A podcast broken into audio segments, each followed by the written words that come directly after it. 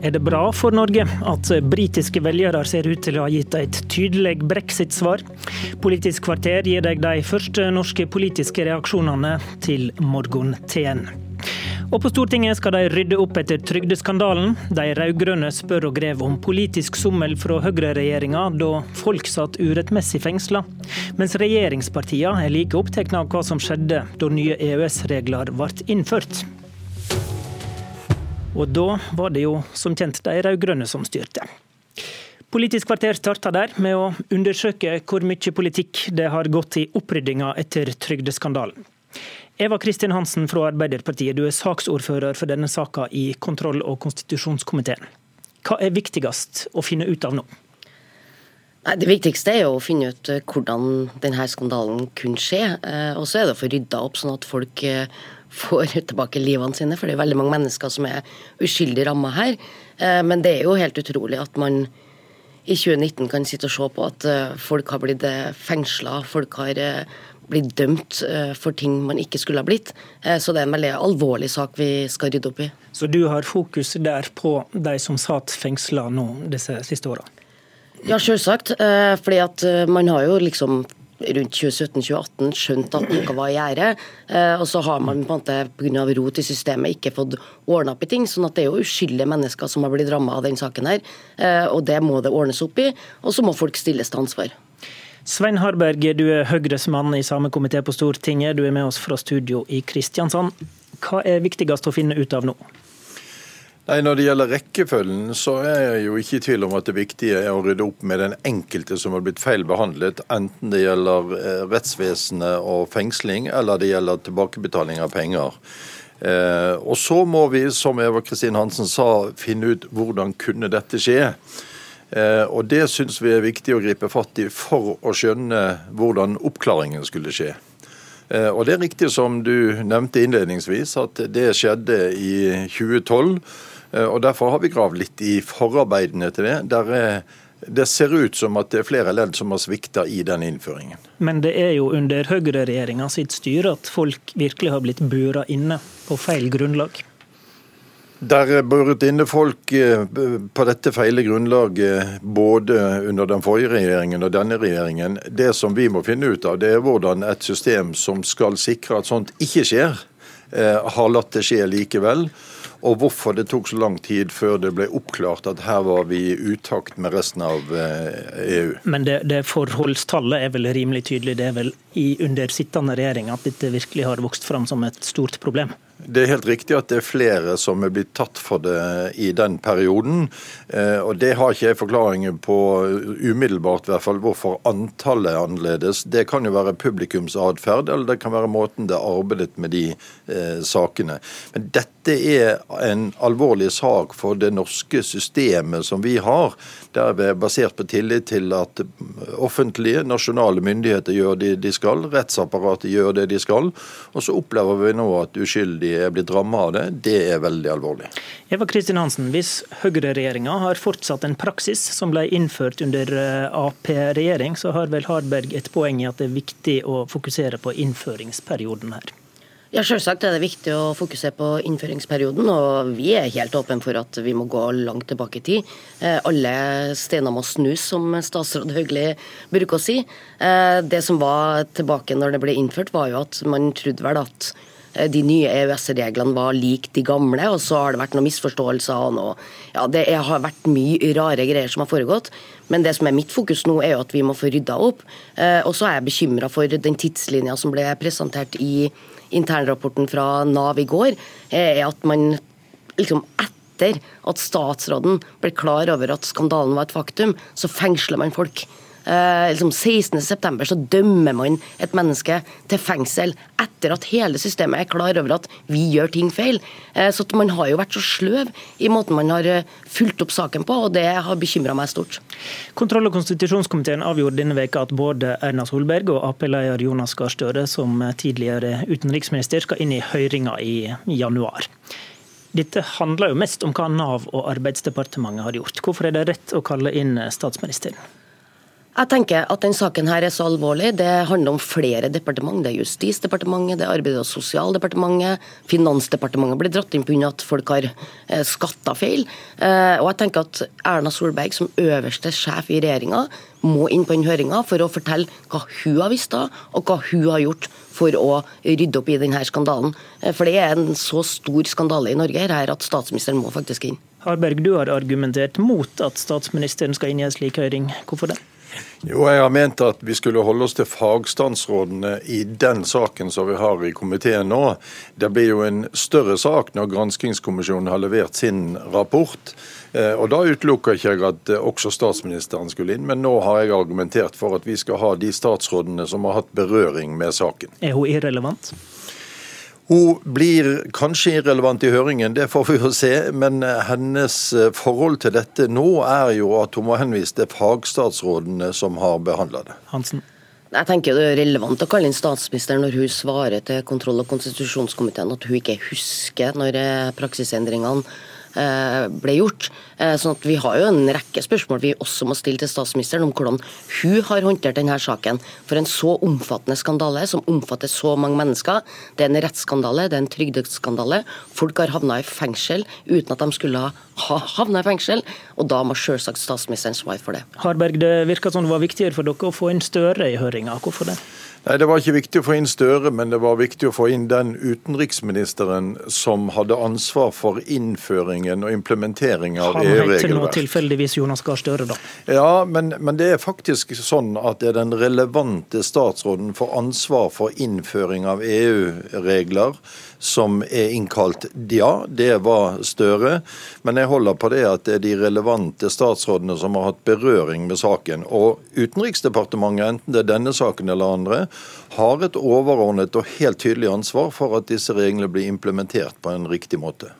Hansen, hvordan ser du på at egen partileder må inn og svare for seg her? Nei, Jeg tenker det er helt greit. Jeg. Uh, alle som er relevante i denne saken, her må jo svare for seg. og Han er veldig åpen for å komme på høring, så jeg, jeg syns det er helt greit. Uh, jeg har vært litt sånn usikker på om hvor relevant det faktisk har vært, men jeg hører Harberg sine eh, standpunkt, og det er helt åpent for oss å ta inn Jonas Gahr Støre. Takk til Eva Kristin Hansen og Svein Harberg. Abonner på Politisk kvarter som podkast, og få sendinga rett til din mobil. Det britiske valget har i realiteten handla om brexit. Nå har konservative Boris Johnson fått det som han ønska, et klart flertall og et tydelig mandat til å gjennomføre utgangen av EU. Liv Signe Navarsete, utenrikspolitisk talsperson i Senterpartiet. Er det bra? Ja, det er bra. Eh, det viktigste er vel at en har fått et, eh, et, så tydelig eh, valgresultat. Velgerne i Storbritannia har sagt klart og tydelig fra hva de vil. Boris Johnson har jo gått til valg og gjort en valgkamp på brexit. Mens Labour har fokusert på mye annet, mer innenrikssaker, så er det det som har vært saken. Og han har fått et tydelig svar. Og Det betyr at Storbritannia vil gå ut ord EU, og at det vil skje 31.1, januar, men så skal det jo forhandles en handelsavtale, så det vil jo ta noe mer tid. Høyre-politiker Heidi Nordby Lunde, om alt var normalt, så hadde vel smilet gått helt rundt på deg når du våkna til den største konservative seieren siden Margaret Thatcher. Men så har du jo også et stort EU-hjerte da, som leder i Europarørsla, så hva føler du nå? ja, altså Vi som er opptatt av norske interesser, ville jo helst sett at Storbritannia ble i EU. fordi at vi i samarbeid med dem har jo kunnet, uh, har delt mange felles uh, interesser om hvordan EU skal utvikle seg. Men når ting er som de er, og jeg mener jo også at det konservative partiet har forlatt mange av sine grunnende konservative prinsipper, så jeg er veldig glad for resultatet. Jeg tror det er bra for Storbritannia at de får et klart mandat til å gjøre det de skal gjøre. Så på den siden så er jeg fornøyd med hvor de hvor de går. Så, ja, så avklaringa er bra. Betyr dette da 31.1 januar er, en, eh, en dato eh, der det blir snakk om at brexit skal skje. Altså, betyr det at Storbritannia Lunde går ut av EU da?